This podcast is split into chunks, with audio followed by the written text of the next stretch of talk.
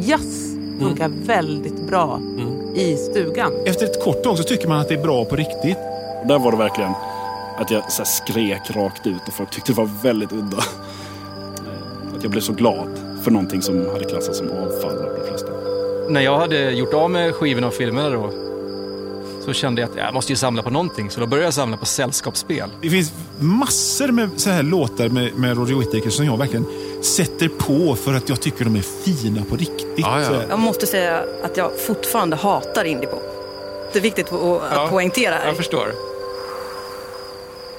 Var kommer Sergio Rizzolo från egentligen? Ehm, jag såg det i eftertexterna på någon Giallo-film när jag var typ 17. Så, så, så det finns alltså en, en Sergio Rizzolo där, någonstans där ute? Eh, det började med bara Rizzolo. Men Ja. sen tyckte jag att den här karaktären behövde liksom eh, byggas ut mer. Så då fick han ett förnamn också. Ja. Eh, Har Sergio Rizzolo, alltså DJn, har han en liksom backstory? ehm, Finns, alltså- finns det liksom en fiktiv persona som, som, ungefär som när man skriver en roll i en film? Det är mer liksom en moodboard. Ja. Men vad En, finns eh, på vis- moodboarden? Ja, men jag har ju en logga som är en eh, knuten näve med, med ett nitarmband på. Mm. Sergio Rizzolo är ju en läderfetischist eh, eller en motorcykelknutte. Ja. Och ett litet tag så kanske jag hade den stilen också. Så jag levde mig in i rollen Okej. lite mer Ja. än vad jag har gjort på Mm. sistone. Kör du motorcykel? Nej, jag gör ju inte Du det. borde ju ha börjat. Jag borde ha börjat.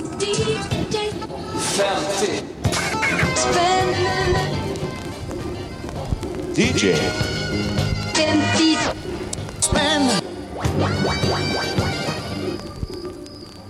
Här om sommaren när jag hade vägarna förbi Malmö så gjorde jag som jag brukar. Jag slank in på en random second hand-affär i en anonym del av stan.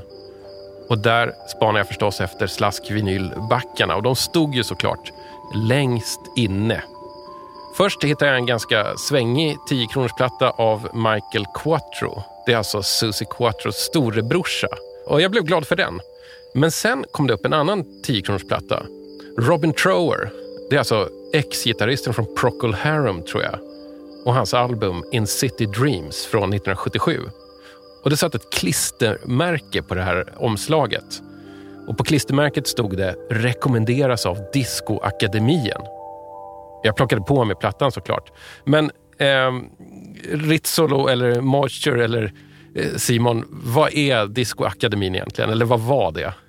Um, det var en blogg som jag startade, nu minns jag inte exakt årtalet faktiskt. Det måste ha varit liksom när bloggeran var som störst. Ja, Ehm, det glada 00-talet. ja precis. Det var liksom wow, internet och Ja. wow, uh, massa andra skivnördar. Mm. Jag gillar att på det här eh, klistermärket så är det också att det står Discoakademin ganska stort med något slags snirkligt typsnitt som man tänker sig att en affär som säljer billiga skinnjackor gärna har. Vad tror jag menar? jo, jo, jo. Eh, Fanns någon tanke där? alltså jag tänkte nog att det skulle se väldigt kosmiskt ut på något Ja, sätt. jo, men det, Eh, det är kosmiskt. Vad kan du säga om den här Robin Trower-plattan? Discoakademin var ju lite både ett forum där jag kunde skriva och tipsa om obskyr eh, disco som jag hade liksom upptäckt. Eh, men också om ganska billiga skivor. Eh, Rebax Mm. liksom 10 spänn- spänns skivor. Mm. Vilket var det jag mest köpte på den tiden och fortfarande gillar att köpa. Just den här skivan är det ett spår på eh, som är väldigt sådär långsamt men ändå någon slags disco-vibb. Vilket jag sen använde termen stoner disco för att förklara. Ja, men det är, jättebra. liksom eh, långsam rockdisco. Visst var det lite så att ungefär på den här tiden, vi kallar det för bloggeran, kanske mitten av 00-talet, så, så var det som att man helt plötsligt började leta sig ut mot liksom så här slö disco med lite så här rockgrejer. Du fick gärna vara från en billig skiva, ett otippat spår. Alltså för min del eh, kom det nog in, in i min värld via DJ Harvey. Som har väl liksom varit en husgud för många i, i min liksom krets. Eh, att så här, wow, det är okej att eh, spela rock som om det vore disco. Det här är alltså DJ 50 spänn, det grävsugna melodiradioprogrammet för billig och begagnad vinyl. Jag heter i vanlig ordning Jönsson och idag pratar jag med Simon Eliasson. Du är också känd som Moisture och eh, Rizzolo. Eller till och med Sergio Rizzolo, va? Ja, det stämmer ja. Och om man ska sammanfatta dig så är du liksom musikgrävare, DJ och eh, liksom musikproducent från ärans och socialrealismens stad Malmö. Med några omvägar till Umeå. Kan du hinta lite om vad du har eh, proppat ner i din 50-kronors påse? Ehm, ja, det är väl lite eh, försökt hitta så bra exempel på mina specialiteter som möjligt, vilket är konstig svensk disco. Mm. Saker som skulle kunna räknas som house eller techno med lite, eh, Med lite god vilja. med lite vaselin. Ja. Eh, om man bara mjukar upp eh, definitionsbegreppen lite. Vad säger du om att vi börjar med att snurra dina fem plattor för 50 spänn nu och så mellan varven så snackar vi lite om musiken, vi snackar om dig, vi snackar om eh, grävandet och inte vet jag, kanske universum också. Det låter fantastiskt.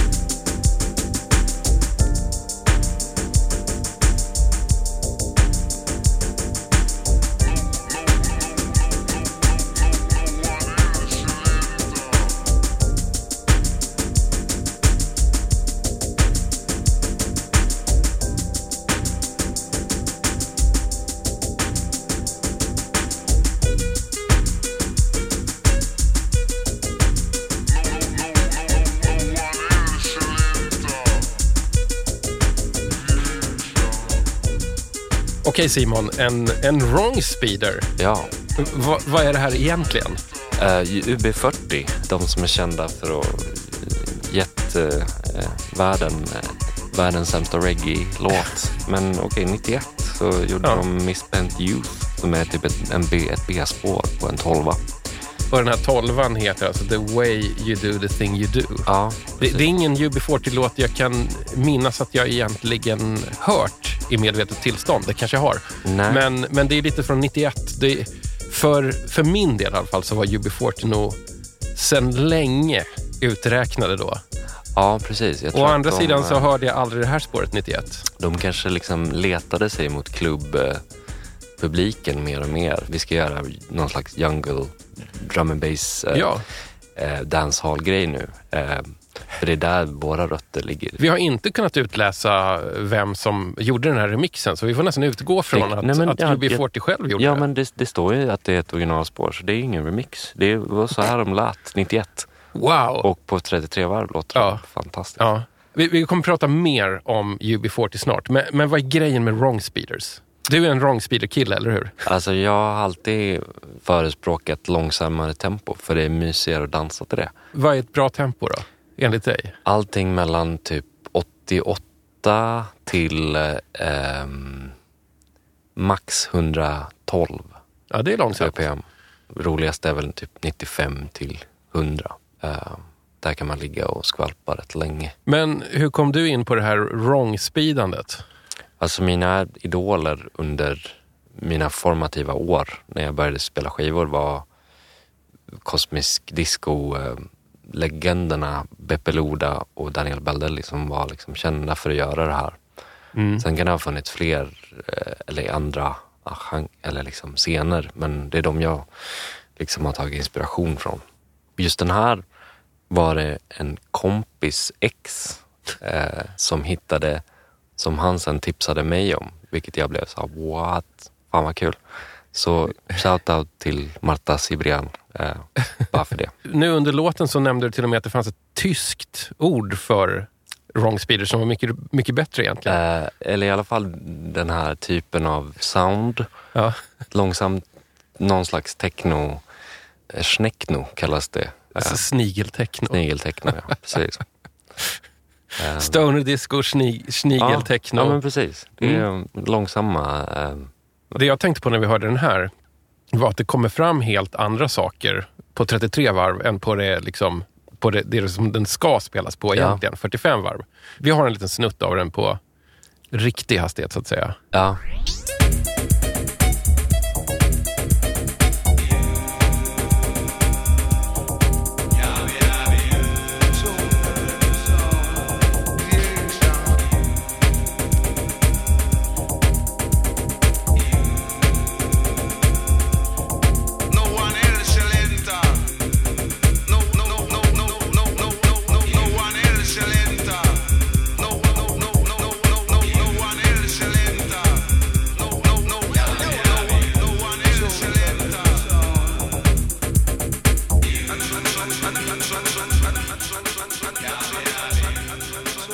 Det var alltså Misspent Youth som, ehm, ja, som, som right speeder helt enkelt. Och Ja. då är det väldigt mycket tydligare att det är 1991. Det är det verkligen. Men det jag gillar här är att det är alltså så här, lite klumpigt loopat och det är så här bass and bleeps-ljud. Och så här. Det, det är väldigt mycket England 1991 skulle jag säga. Jo, jo men det är det. Absolut. Och på väg in i jungle-grejen någonstans. ja, Vibben Precis. är ju någon slags här muterad dancehall. Precis. Men det som är intressant är ju att på fel hastighet, eh, då blir det ju som så här, vem skulle ens komma på att göra det 91? Det vet inte jag. Ehm, Eller ny musik som, som Mm. faktiskt så här, låter så här. På rätt hastighet Ja, precis. På rätt hastighet dessutom. Eh, så ehm, Har du några exempel på någon så här ny musik som är gjord för att låta liksom wrong speedigt? inga, inga specifika låtar eller artister men, men eh, mycket av det som eh, släpps på ESP eh, Institute. Eh, eh, Stockholms duo som heter Weirdest Dream till Mm. exempel. Mm. Men jag tänker att det också, det behöver inte vara att det är direkt inspirerat av wrong speeders men det är liksom ett dubbigt element som Mm, som gör att okej, eh, vad tempot måste vara här för att det ska liksom få fram den känslan. Mm. Och att eh, det finns så många nu vid det här laget som är intresserade av dansmusik men kanske värjer sig från att göra eh, liksom saker som, som är klubbanpassade. För att eh, liksom, nu, har det, nu har det pågått så här länge, liksom, man blir lite less liksom, på Mm. 125 bpms eh, 4-4 takter ibland. Ja. Även om det är kul ibland. Men det var väl lite så i- hela Balearic-grejen också Mm. blev, eh, blev en grej. Eh, Och sen, förutom Balearic så finns det ju även liksom Screw, eh, Doom metal kom efter kanske ja. 20 år av snabb heavy metal. Jag vet inte. Ja, ja, precis. Det, det är alltid en backlash på något Ja, sätt. ja, men precis. Ehm, Men vet du vad? motreaktion. Vi måste hinna prata lite om eh, UB40 också. För sjukt nog så var det här UB40. Ja, ja, ja. ja, ja Eh, hur ser ditt förhållande ut till UB40? Ehm, förutom den här skivan, kanske nästan obefintligt. Jag minns att det kom en remix eller någonting på en sån gammal UB40-låt också i början på 90-talet som jag tror att möjligtvis 808 State gjorde. One in Ten. Ganska bra. Okej, det har jag missat. Och det är också en så tidig UB40-låt som på något sätt är lite, jag hatar att säga det här, men den är liksom lite mer äkta än deras stora hits. Alltså det låter lite mer bra reggae om den. Ja, okej, okej. Ja, det- Men, det- men det annars, annars är de väl det- ganska fickljumna för mig eh, också. Ja, Men vet du något om dem? som, som artister eller Ja, personer? ja, precis. Nej, ingenting. det, det var ändå lite roligt att läsa på om dem. Alltså, de är ju från Birmingham, precis som Steel Pulse. Ah. Steel Pulse är ett annat reggaeband som Mm. kanske har lite mer cred fortfarande tror jag. Ja, just det. Det är sant. Jag vet inte. Eh, startade 1978. Ett stort band, jättemånga medlemmar. De höll ihop ända till 2008, men då hoppade sångaren Ali Campbell av. Och lite efter det så hoppade några till av och hängde med honom. Och då så startar han bara ett nytt eget UB40. Medan de andra, de gamla, de fortsätter att spela på som UB40. Så det finns två? Ja, och det gamla UB40 då visste inte så här, vad ska vi ha för sångare nu efter Ali Campbell? Så de ringer Maxi Priest som får hoppa in på en turné. Aha. Och lite senare, det här är roligast av allt, lite senare så är det Ali Campbells brorsa som Oj. heter typ Duncan Campbell som, som hoppar in i sångmikrofonen på gamla UB40 medan Ali då sjunger i nya UB40. Och de har fightats om vem som har rätten till namnet sedan dess. Oj, oj, oj. Så, att, så att det är, jag, jag tror att det är, det är dålig stämning i UB40-land. Ja, Och det har ja. varit det i kanske tio år eller någonting. Och så kommer jag att spä på det här ännu mer. Ska vi, ska vi ta din nästa skiva här? Ja. Jag, jag tänker att den kanske lite grann hänger ihop med Wrong Speeder-prylen nästan. Det kan man nog kanske säga. Ja, absolut. absolut.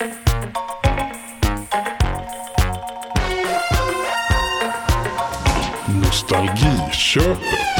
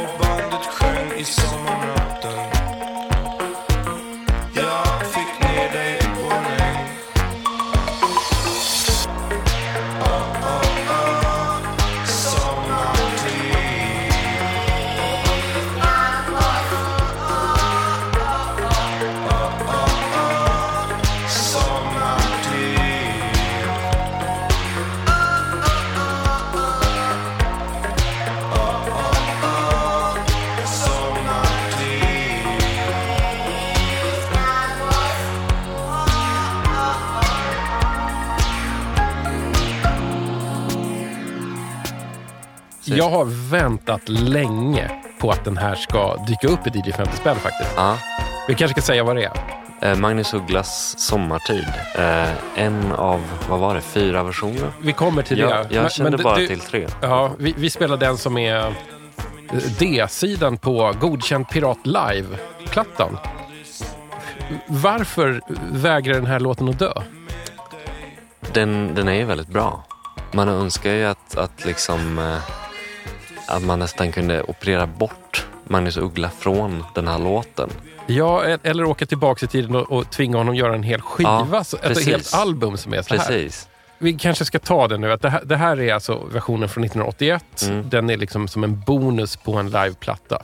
Precis. Den finns, om jag fattat det rätt, på singel också. Jag har aldrig lyckats hitta den. Och då det. står det en ny version ja, på den. det gör det. Jag tror att det är den i alla Just fall. det. Mm. Sen, men originalet är från 1976. Ja, var precis. med på ett album som, inte vet jag, Livets teateralbumet eller Ja, någonting.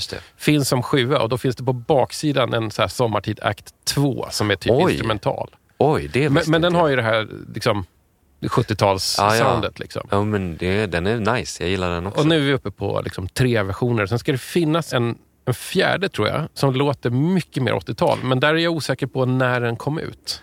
Jag skulle gissa kanske 84. Jag har den. Eh, Ja. Och det är väl den som är mest eh, går för mest pengar liksom om man kollar Mm. på Discogs. Mm. Eh, och antagligen kanske för att den inte finns i lika många upplagor. Nej, just det. Och, eller jag menar, det, det här är ju typ som en tolva då. Mm. Men det är ju en liksom faktiskt eh, 12-tumsutgåva. Den här skivan kan man ju liksom hitta och så ta bort den, första skivan med bara livespår och så tar man den här. Relativt vanlig. Den måste ha sålt ganska bra. Eh, Jag har hittat Ja. den flera gånger för 10 spänn. Precis, den, den, för mig har den en lite så här nostalgiskt värde. Det var en av de låtarna som, när jag började spela skivor, ehm, så var det liksom en aha-upplevelse. Att så här, aha.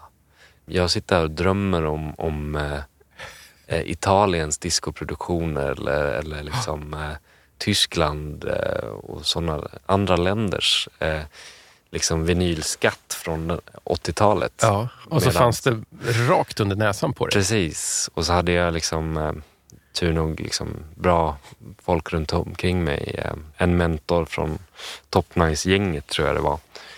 Som så här, ja men du borde, borde ta den här, det är rätt lätt att hitta, bra spår liksom. Så bara, jaha okej, vad fan, det är ju Magnus Uggla. Kan man spela det eller vadå? Och så kunde man verkligen spela det. Så eh, jag vet att liksom den kommer alltid på tal för att, jag menar, det är ju lite sport att så här, breaka en låt. Det är många som claimar, som jag har förstått det, som claimar att de var först med att spela den här. Ja. Jag kan tycka det är kul också att så här, oh, eh, vara den som, Mm. som hittar en. Men jag tycker det är, ja, det är mycket möjligt att flera olika hittade den här samtidigt. Jag skulle tro det, för att det är väl samma sak att någon gång på 00-talet så lät det här helt plötsligt helt jävla rätt. Ja, absolut. absolut. Och, och den fanns överallt. tycker jag också. Jag tycker ju att eh, originalversionen från 76 är inte så dum den heller. Nej, nej. Den har ju också någon slags, nu, nu kommer ordet igen här, B-ordet, Balearic-känsla. Ah, ja. liksom, att, Mm. Fast på ett annat sätt. Den är ju liksom lite Ja, visst. friare spelad. Och Jo. framförallt, han sjunger på ett annat sätt där. Ja, det gör han. För att här på eh, 81-versionen som vi hörde nyss, Ja. han är helt känslokall. Alltså det, Ja, det, det är den är någon slags- isig. Liksom. Det finns Verkligen. ingen känsla alls. Någon gotisk, eh, liksom eh, lakonisk ironi. Ja, Det är ja. Så här, wow, nu, det var sommartid, var kul vi hade. Precis. Han- måste ha spanat in då liksom de här syntbanden som fanns då, som alltid uppträdde med Stoneface. Kollat så här, vad gör Johan Kinde som inte jag gör? Ja, precis. Det ska jag också Jo, göra. Ja, just det. Eh, och 76-versionen så är den, den är ändå liksom lite sexig eller sentimental nästan också. Ja, men sätt. precis. Det, det, Nostalgisk kanske. Ja, men precis. Fast med känsla. Men det är väldigt fina saxsolon igen. Den är lite sleazigare Ja, den är enkelt. sleazy. En rolig grej med, med Magnus Uggla är att jag vet inte det här helt säkert, men jag tror att han själv inte är så jävla stolt över den här låten. Eller han tycker inte att det är hans bästa grejer. Nej. Eh, jag har försökt klura ut nu vad jag kunde ha hört därifrån. Det har jag inte kommit fram till riktigt, men jag vet att när han var med i Så mycket bättre 2012 tror jag, så lackade han ur på att alla de andra som var med där, de gjorde ju bara tolkningar på hans gamla låtar. All, alla utom Sylvia Vrethammar tror jag. Aha. Hon gjorde Kung i baren. Men, men, men så att eh, det var Maja Ivarsson från The Sounds Aha. som gjorde den här låten i en nästan snarlik version. Okej. Och han uttryckte då ljudligt sitt missnöje med att de andra artisterna inte såg honom som artist som hade gjort bra Som- låtar ah, efter... kontemporär, Ja, eh, precis. artist, efter ja. början på 80-talet. Okej. Alltså det kanske bara att mycket tid har gått och för mig låter det mesta han har gjort ganska likt. Ehm, Efter liksom den här jättehitten IQ på den skivan som kom 1983. Sen dess har ju alla Magnus Uggla-låtar låtit exakt likadana. Då låter alla låtar som Hej tomtegubbar med DX7 komp. oh. Men innan det tycker Ja. jag att han hade någonting annat. Ja men då får han väl skylla sig själv att han Ja. blir sur på. Ja.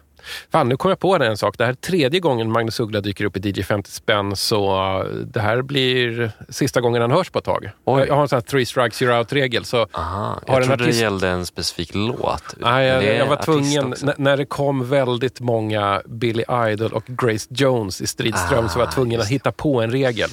Och då tänkte jag så här att då är de bannade för gott. Nu känner jag att det är lite synd, hårt eh, så att jag säger att jag sätter dem i, i frysboxen ett tag. Ja. Så kan man plocka fram dem så småningom. Jo, jag fattar. Men du, apropå såna här låtar som Sommartid med Magnus Uggla. Har, har du liksom hittat några andra såna här helt liksom otippade svenska artister som gör saker som funkar i någon slags här stoner disco-kontext? Alltså det, det dyker ju upp med jämna mellanrum. Och det är väl sånt liksom man blir mest pepp på. Jag kommer faktiskt. aldrig glömma när någon skulle säga att förklara för mig varför en viss låt av Grymlings var Balearic. Det, det sjukaste var att det fanns, det stämde. Med rätt låt innan och rätt låt efter så blir den helt magisk. Min tolerans för Balearic är kanske inte jättehög för att kunna ta in Grymlings. Och ibland kanske viljan är så stark att Ja. man så här... Det, jag, jag anar att det kan finnas liksom, eh, så här lite också att om rätt person säger Ja. och presenterar i rätt tillfälle Ja, så blir visst. det så här, en sån show-off. Liksom, att man visst. visar att jag kan göra det här till, till någonting som jo, är jättecoolt just idag. ja men visst. Vet du vad? Jag, jag Ja. ser att du har eh, någonting lite mer svenskt här med dig. Ja, precis. Det har blivit dags för chansningen och du har alltså chansat på någonting som ser väldigt blommigt och 1990 ut. Det ser väldigt rätt ut just eh, nu. Chansningen.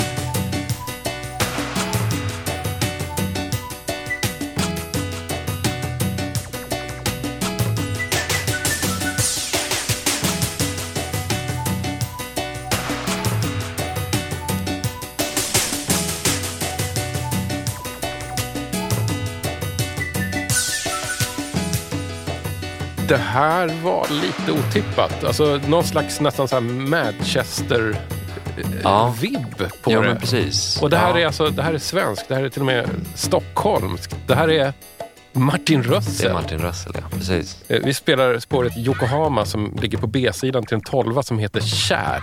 Ja. Från alltså 1990. V- v- vad fick du att chansa på den här? Kanske, kanske omslaget lite grann. Jag kan beskriva lite. Alltså det, det, är liksom, det ser väldigt så här glatt och... Hy- och Hydman-valjen kanske. ja, det är lite Ulrika Hydman-Wallén-aktigt. Det är liksom handskrivet, handritat, blommor, kär i snirkliga bokstäver. Så Martin Rössel i så här lite så här kaxig, tidig 90-tals typografi. Alltså det är också lite så här Della Soul. Ja, Stuket. blommigt och, och lite så här romantiskt. V- vad känner du när du lyssnar på det här då? Jag vände då på omslaget, såg jag titeln Yokohama. och så liksom stod det eh, saxofon, ride cymbal och så systrarna Onaka på förklaringar. Jaha. Och så Martin själv då på sologitarr och, och programmering. Mm. Det låter som att det skulle kunna vara väldigt bra. Mm. Eh, jag känner till honom vagt och så här, ah just det, just det, de dummaste. Just tänkte det. så här, ah, men Ja. jag har faktiskt hört någonting Mm. med, med de tidiga grejerna som var rätt bra. Mm. Så jag tänkte, ja men det här kanske bo- borde vara rätt schysst egentligen. Och det var ju ja, över mina förväntningar faktiskt. Eh, Det jag känner är väldigt så här, aha, det här är liksom Hacienda Happy Mondays Ja. eh. Ja, ja, men exakt. Jag brukar faktiskt alltid eh, köpa Martin Rössel-skivor när jag hittar dem för 10 spänn. Det händer ibland. Inte jätteofta, men det händer. Men så du har ganska bra koll på? Ja, Egentligen inte, för att det är lite hit and miss om jag ska vara Ah. sträng. Ah. Alltså, allt är inte bra, men det är ofta roligt att lyssna på. Och jag vet ju från de dummaste att det finns liksom det finns någon slags här konceptuell höjd i, i det de gör. Och ibland så vill det gärna dra åt liksom det roliga hållet. Att det ska Mm. vara rolig musik. Ja, Inte vet jag, klurig indie åt Ja, det hållet. det. Liksom. Ja, jag, jag är väl glad att han liksom valde att ha, ha ett instrumentalspår liksom, Mm. 1990. Mm. För det hade nog inte kunnat bli bättre än så här. Mm. Jag ska säga också om Martin Rössel att jag, jag blev lite nyfiken så jag började kolla lite vad han släppt nu på sistone. Och då var det att bara förra året, eller ja, 2017 egentligen då, så släppte han ett album som heter Don't Blame Me. Eh, och jag lyssnade på det, det var, det var faktiskt inte dumt alls. Finurlig, eh, ganska vuxen popmusik, men det låter liksom, det låter schysst. Så är det, har han liksom kryddat det med lite gästartister och det är Kajsa Grytt och Magnus Carlsson och hans gamla partner från De Dummaste som heter Lars Kleveman. Mm, Som man då kan nämna här, parentes. Lars Kleveman är en stor operastjärna idag. Mm. Det, det har jag ja. Men det blir ännu roligare om man kollar in eh, Martin Rössels eh, så här, artistsida på Spotify och scrollar ner en bit. Aha. Då, då, eh, så, så, så har han tydligen gjort ljudeffekter och liksom ljudatmosfärer till Gröna Lunds halloween-satsning förra året. Wow. Det ligger där och det är liksom tio minuters så här skräckiga ljudeffekter. Det låter ju fantastiskt. Så, som var liksom, det, det var nästan den stora behållningen att lyssna på det. Så här, är det det Martin Rössel gör idag? Wow! Till exempel. Men, vad kul. Vilket drömjobb ändå. Liksom. Ja. Och, eh, Speciellt med tanke på då att Gröna Lunds så här, halloween-satsning för, i, i höstas, då, Ja. hösten 2018, som det här var ifrån. Eh, det var alltså ett flytande spökhus som en gång i tiden var en flytande Kina-restaurang i tre våningar. Alltså, det man har blir ju inte bättre än så här. Ja, eh, En haunted Kina-restaurang. Eh, då noterade jag också att det ligger väldigt mycket de dummaste på Spotify. Så om man vill förkovra sig lite i, just det bandet. Det kan jag nog rekommendera för det, det spretar åt lite olika håll men det, det är Ah. grymt underhållande att lyssna på. Det är det. Gothigt, punkigt, poppigt, allting på en gång. Ganska mycket syntar. så ett band som jag kanske inte seriöst gillar men jag hade jättegärna varit med när de satt och spelade in och så tänkte så här. Hur hade de tänkt och vad pratade de om när de Mm. tänkte ja men vi vill göra en sån här låt.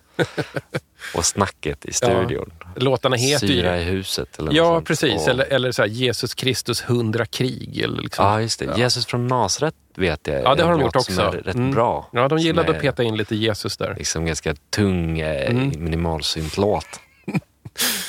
Men hörru du, jag måste fråga lite om dig här. En, en helt annan grej. Jag vet Ja. att liksom ditt dagjobb är att eh, liksom sortera och värdera second hand-föremål. Ja, det Du, du, du jobbar för en av de här enorma eh, second hand-kedjorna. Ja, precis. Eh, en av Emmaus, eh, Emmaus Björko i Malmö då. Låter de dig gå nära lådorna med inkomna skivor? Det är faktiskt jag som har ansvar för det. det är det. Men det här är super, det här, för mig är det här superintressant. Vad, vad kommer in där? Jag menar, så här, jag vet ju vad som hamnar i lådorna. Klassiskt dansband, Ja. eh, Lill Lindfors, what have you liksom. Men Ja. jag menar, hur pass mycket grejer kommer in i sorteringen som ni så här, ser att ja, men, det här ställer vi inte ut där, för det här kan vi dra in mer pengar på Mm. Ja, någon precis. annanstans. Um, alltså jag vet ju att liksom, de flesta går ju gärna och gräver i 10 kronors skivorna i hopp om att hitta någonting intressant där. Mm. Och för egen del, det hoppet gav jag upp liksom för fem, sex år sedan. Även om folk inte är intresserade av, av liksom obskyr disco så, så är det tillräckligt många ute och gräver eh, med en Discogs eh, sida uppe på mobilen att, att allting kommer ändå ryka. Jag försöker pytsa ut saker som så här, om det inte är superbra skick så skickar jag det till 10 kronors backarna. Mm. Men sen, ja men det kanske kommer in någon liten samling i månaden. Mm. Typ. Oftast är det stora populära artister från 80-talet. Om man har tur så är det Bowie, Bob Mm. Dylan, eh, Stones.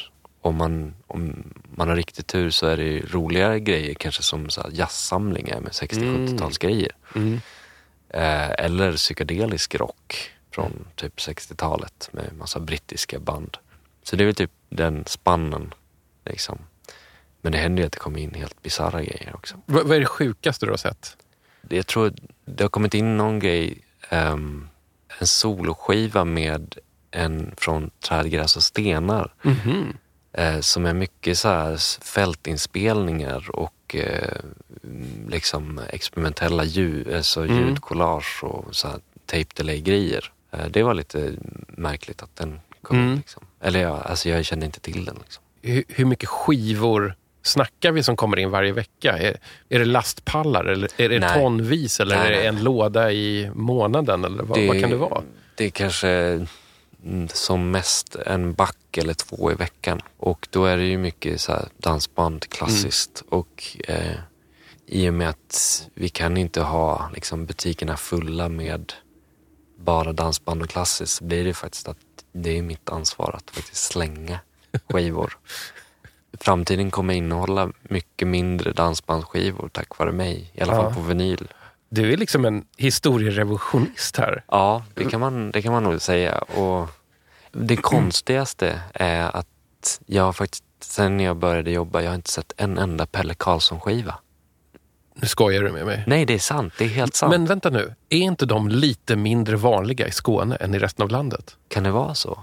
För att jag tror att det finns bälten i Sverige där de alltid finns. Och så finns det Ja, det bälten i Sverige där de kanske finns varannan gång. Ja, jag vet inte om det Ja, är så. det. Ehm, Jag, jag killgissar lite här, Ja, ja. men jag har själv sett Pelle Karlsson mindre när jag varit i Skåne än när jag varit i resten av landet. kan ju vara så att någon verkligen gillar Pelle Karlsson och har köpt alla i hopp om att de ska bli dyrare.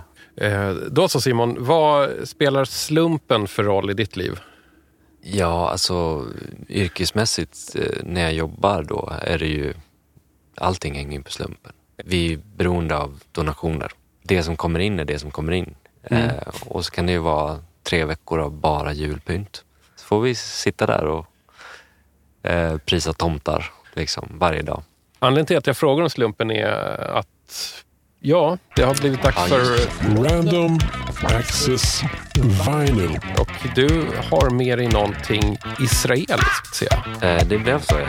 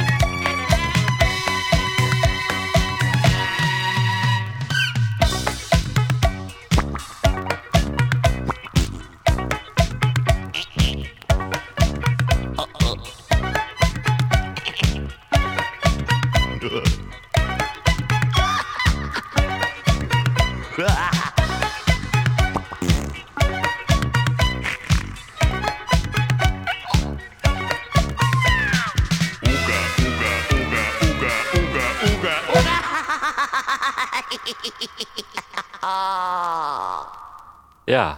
Ja. Isolier Band. Jag vet inte hur det ska uttalas. Jag har ingen aning om vad albumet heter. Jag har ingen aning om vad själva låten heter. Nej. För vi kan inte hebreiska, någon av oss. Nej, det kan vi ju tyvärr inte. Så, så, så det här är en platta med det israeliska bandet eller gruppen eller kanske misstänker jag eh, humorgänget Isolier Band. Skulle kunna vara alla de tre grejerna. Och om man nu blir jätte, jättesugen på att hitta den här skivan så är det alltså det omslaget som ser ut som att eh, de försöker göra en parafras på Beatles Abbey Road-omslag. Fast kanske någonstans i Israel eller Tel Aviv eller någonting. Ja, precis. Jo. Hur kändes det att få upp den här? Jo, men det, det såg ju lovande ut. Jag hade liksom grävt igenom en back och så tänkte jag så här. Eh, jag visste på ett ungefär vart de klassiska skivorna kommer vara. Så jag Du kunde försöker, försöker undvi, undvika det. Tänker så här, men det där, där någonstans borde det kunna vara något bra. Och så blev det den här. Det här är fullkomligt idiotisk musik. Det här är ju bland det mest korkade jag hörde, men jag blev riktigt glad av det. Ja, eller hur? Uga, uga, Men du uga. måste ju ha hört Björn Skifs Ja, det tror jag. hitten. Liksom. Det tror jag säkert. Den var ju gigantisk. Ja. Men det sjuka är ju när låten flippar över till att låta som Linus på linjen. Ja, precis. Är, är tanken att just den här låten eh, skulle vara liksom en barnvänlig liksom, låt man spelar för? Antingen det, eller, eller så är det här liksom någon slags här israelisk eh, musikhumor Ja. av, av högsta grad. Ja, jag vet det. inte. Det kan det ju vara. Rapar och pruttar är i och för sig väldigt internationellt gångbart. Så att, ja, vi skrattade ju. ja, men det var ju Eh, roligt. Det hände mycket. Ja. Om inte du hade kommit med den här skivan hade jag aldrig hört, hört Isoler Band. Nej. Också ett jättesvårgooglat bandnamn. Jag försökte hitta någon info om det här. Jag hittade info på hebreiska. Ja. Orkade inte dra igång eh, Google Translate. Så jag fortsatte, det måste finnas fler sajter. Och då hamnade jag på jättemånga tyskspråkiga sajt- sajter som krängde då isolertejp. För det heter Aha. isolerband på Ja, tyska. ja, det är därför han är helt uh, inslingrad i det. I någon Ah, gul... eh, Ja, kolla, det hade jag missat. En på omslaget är liksom Ah. tejpad helt enkelt. Jag chansar gärna på israeliskt när jag hittar det. ja. Det är inte Ja, eh, jättevanligt, men, men det händer. Nej, absolut. Den senaste jag hittade var en här samlingsskiva från 1980 som var någon så här Jerusalem Song Festival, bla bla bla. Ett Offra Hoassa spår. Det var inte det bästa, utan det var ju något som lät som så Eurovision Disco från 1980. Som var helt okej. Alltså, det är klart, mycket israeliskt eller, eller östeuropeiskt, ryskt. Ja, Det kan vara skitdålig ljudkvalitet på dem. ja jo. Press- pressningen, Det, det är ofta tyvärr. sladdriga plattor. Ja, men eh, det är väldigt mycket outforskat fortfarande. Eh, Ja, så precis. det går liksom att fynda saker som är Mm. ganska bisarrt bra. Hör du, det finns en skiva kvar i, i, i den påse. Det här blir den sista Mm. eh, för idag. Eh, det har blivit dags för eh, klassikern, alltså skivbörs eller loppisklassikern. Japp. Den här har ju jag faktiskt råkat ut för åtskilliga gånger. Skivbörsklassikern.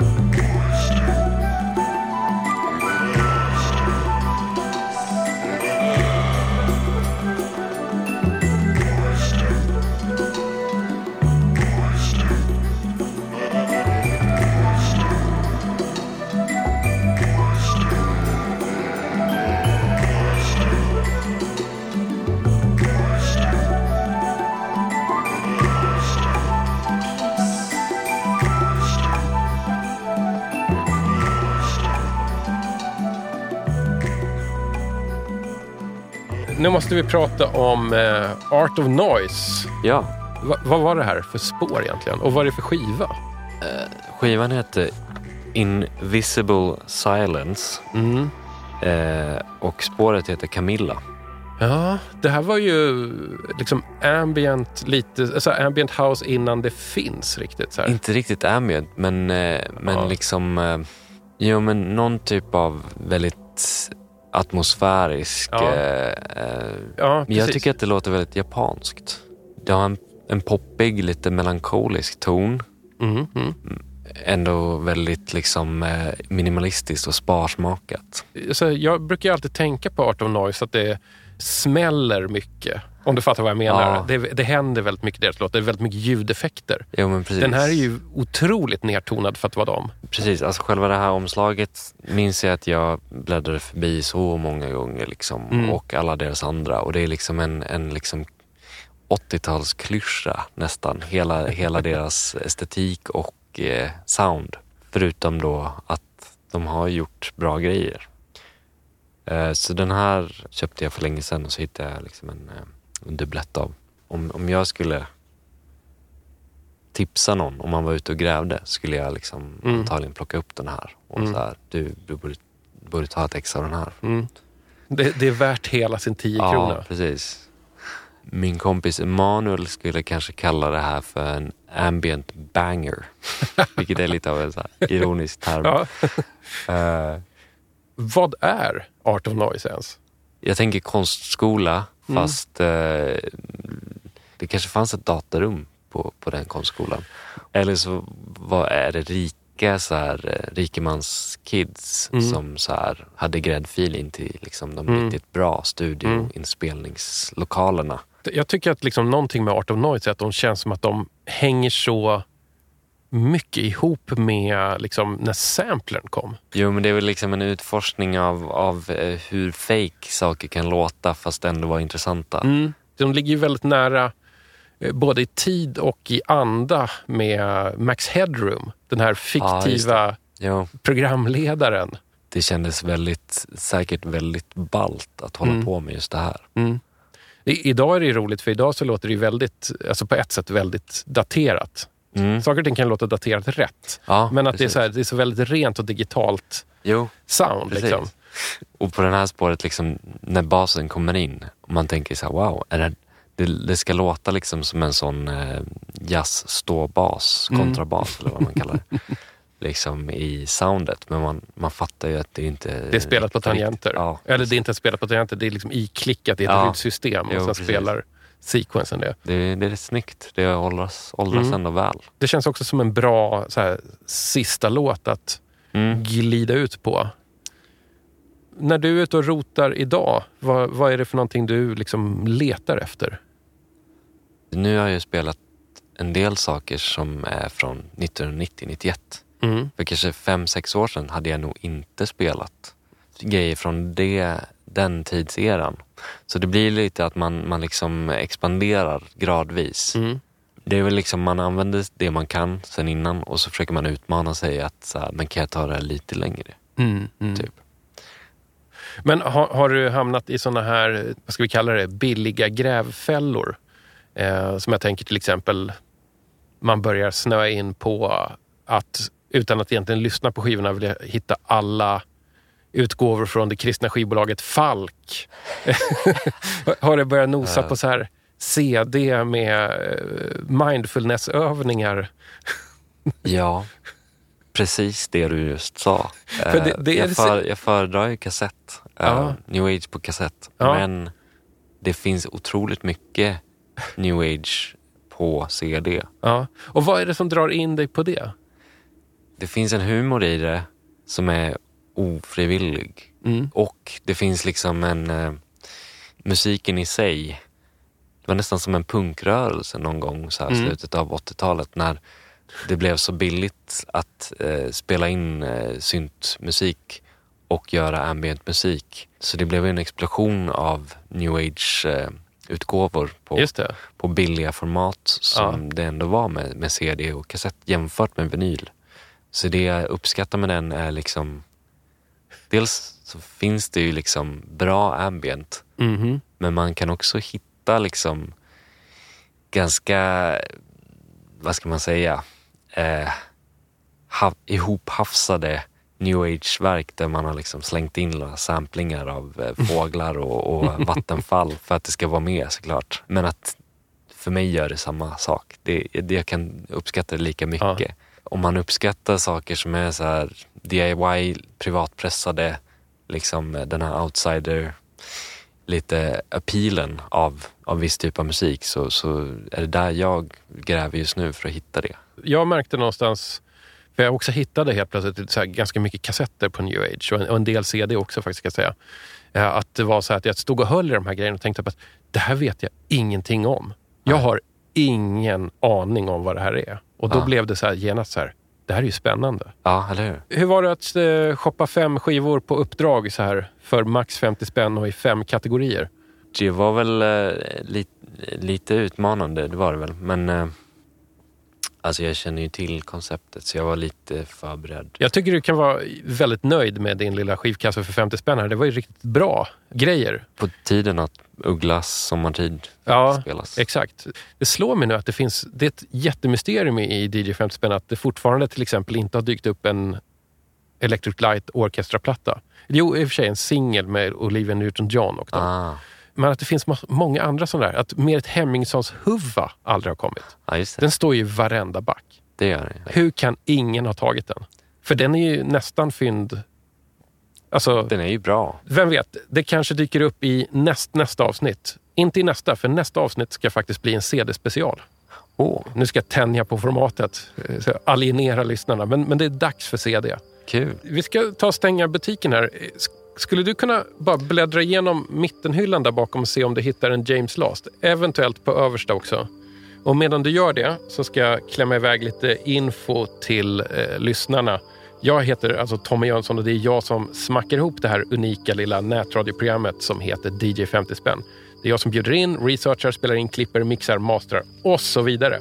DJ 50 spänn ges för närvarande ut lite sporadiskt och det beror på att jag drunknar i andra jobb. Och, om ni undrar alltså. Det kommer att bli bättre, jag lovar. Men för att inte missa någonting från DJ 50 spänns håll så föreslår jag att du blir prenumerant på podden. Man kan nämligen prenumerera på poddar i en poddspelare. Lajka Facebook-sidan, följ mig på Twitter, följ mig på Instagram.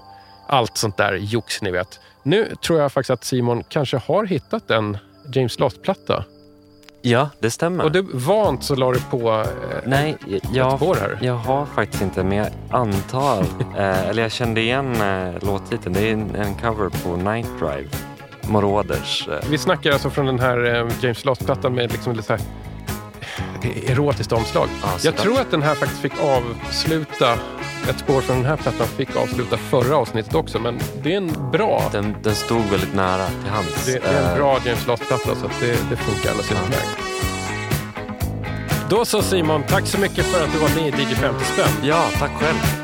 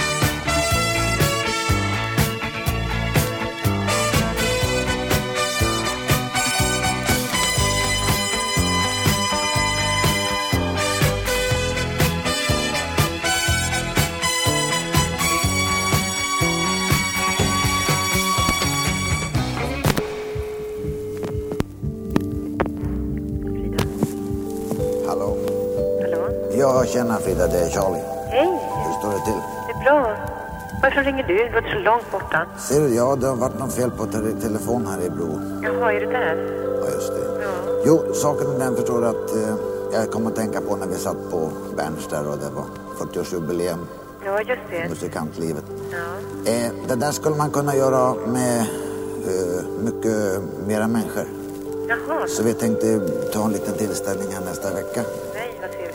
Ja, och ni kan kanske komma och ta... Eh, jag kommer alla fyra. Ja, visst om det går så, gärna För det. jag tänkte det skulle bli en 40-50 personer. Och så mycket. Är du ute i huset alltså? Ja, just det. Ja. Det är lite trångt, men eh, du vet, Ja, finns det det det. hjärterum så finns det stjärterum som man säger. Ja, precis. I- Vilken dag och vilken tid? Ja, på lördag. På lördag? Hur har ni på lördag? Jo, det var jättebra. Bra. Ja, vad kul. Du vet, eh, jag, jag tänkte, eh, tror du att Benny skulle kunna spela piano till snapsvisorna? Du vet, man är ju värd själv så man kan ju inte, man kan ju inte Nej, hoppa just det. Men det tror jag säkert han skulle Det är inga kunna. problem. Det tror jag säkert han ställer upp på. Vad bussigt. Om man får dricka lite samtidigt. Ja, vad bra. Jo, det det ska nog gå bra. Ja, vad fint. Vad trevligt, vad snäll du är som ringer och kommer ihåg oss. Jätteglad. Jo, ja, det, man, jag tänkte bjuda alla mina gamla musikbekanta.